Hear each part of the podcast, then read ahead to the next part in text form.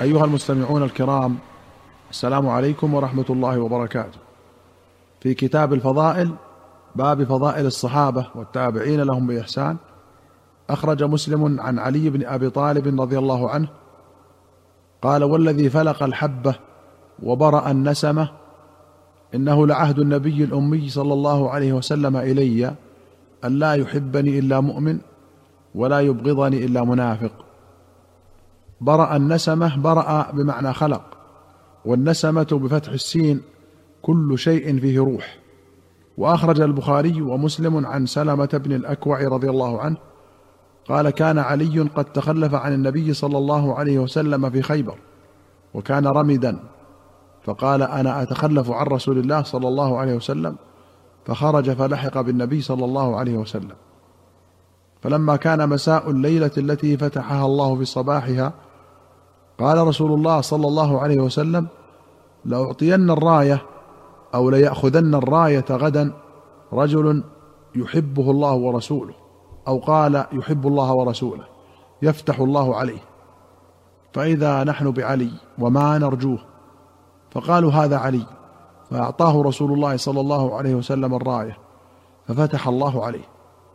وأخرج مسلم عن سعد بن أبي وقاص رضي الله عنه قال سمعت رسول الله صلى الله عليه وسلم يقول له أي لعلي وقد خلفه في بعض مغازيه فقال له علي يا رسول الله خلفتني مع النساء والصبيان؟ فقال له رسول الله صلى الله عليه وسلم أما ترضى أن تكون مني بمنزلة هارون من موسى؟ إلا أنه لا نبوة بعدي. قال وسمعته يقول يوم خيبر لاعطين الراية غدا رجلا يحب الله ورسوله ويحبه الله ورسوله. قال فتطاولنا. فقال ادعوا لي عليا. فأتي به أرمد فبصق في عينه ودفع الراية إليه ففتح الله عليه. قال ولما نزلت هذه الآية فقل تعالوا ندعو أبناءنا وأبناءكم. دعا رسول الله صلى الله عليه وسلم عليا وفاطمة وحسنا وحسينا فقال اللهم هؤلاء أهلي. قوله خلفه يعني في غزوة تبوك. والرمد رمض والرمد مرض في العين. وأخرج الشيخان عن أبي حازم أن رجلا جاء إلى سهل بن سعد رضي الله عنه. فقال هذا فلان لأمير المدينة يذكر عليا عند المنبر. قال فيقول ماذا؟ قال يقول أبو تراب فضحك. وقال والله ما سماه به إلا النبي صلى الله عليه وسلم. وما كان له اسم أحب إليه منه. قلت كيف؟ قال جاء رسول الله صلى الله عليه وسلم بيت فاطمة فلم يجد عليا. فقال أين ابن عمك؟ فقالت كان بيني وبينه شيء فغاضبني فخرج فلم يقل عندي. فقال رسول الله صلى الله عليه وسلم لإنسان انظر أين هو. فقال يا رسول الله هو في المسجد راقد.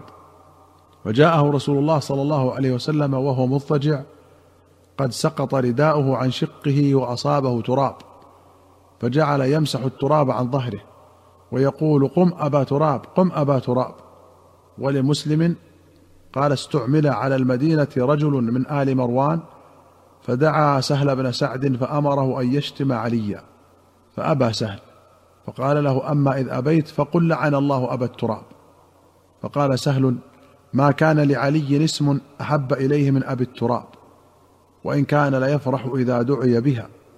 فقال له أخبرنا عن قصته لما سمي أبا التراب؟ فذكر الحديث. قولها لم يقل عندي أي لم يقض القائلة عندي وهي الاستراحة منتصف النهار بنوم أو بغير نوم. قوله قم أبا تراب هذه رواية البخاري وعند مسلم قم أبا التراب.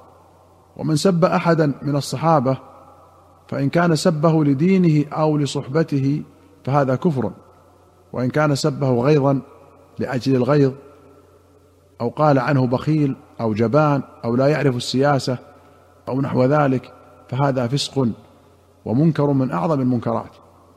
وقد استقر إجماع المسلمين على أن عليا أفضل الصحابة بعد الخلفاء الثلاثة وهو ممن تواترت النصوص بفضله.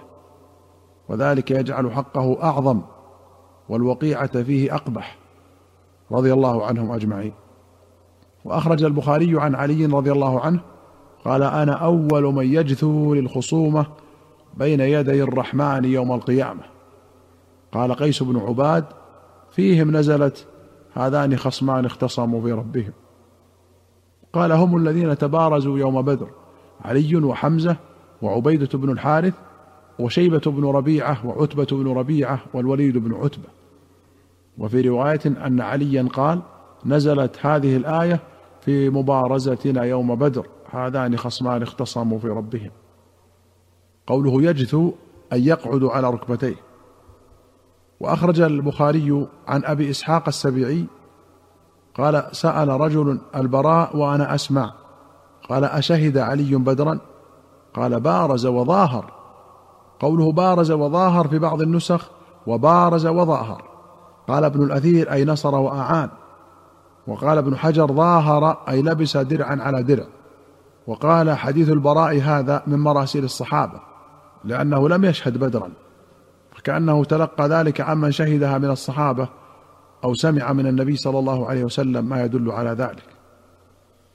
وأخرج ابن أبي شيبة وأحمد وابن ماجه وأبو داود والترمذي والنسائي وأبو يعلى وابن حبان رحمهم الله جميعا بسند حسن عن سعيد بن زيد رضي الله عنه أنه كان في المسجد فذكر رجل عليا فقام سعيد بن زيد فقال أشهد على النبي صلى الله عليه وسلم أني سمعته يقول عشرة في الجنة النبي في الجنة وأبو بكر في الجنة وعمر في الجنة وعثمان في الجنة وعلي في الجنة وطلحة بن عبيد الله في الجنة والزبير بن العوام في الجنة وعبد الرحمن بن عوف في الجنة وسعد بن مالك في الجنة.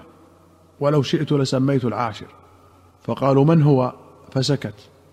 فقالوا من هو؟ قال سعيد بن زيد يعني نفسه. ثم قال والله لمشهد رجل منهم مع رسول الله صلى الله عليه وسلم يغبر فيه وجهه. خير من عمل أحدكم ولو عمر عمر نوح. وفي رواية قال فعد هؤلاء التسعة وسكت عن العاشر.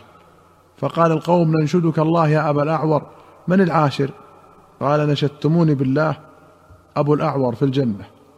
أيها المستمعون الكرام إلى هنا نأتي إلى نهاية هذه الحلقة. حتى نلقاكم في حلقة قادمة إن شاء الله. نستودعكم الله. والسلام عليكم ورحمة الله وبركاته.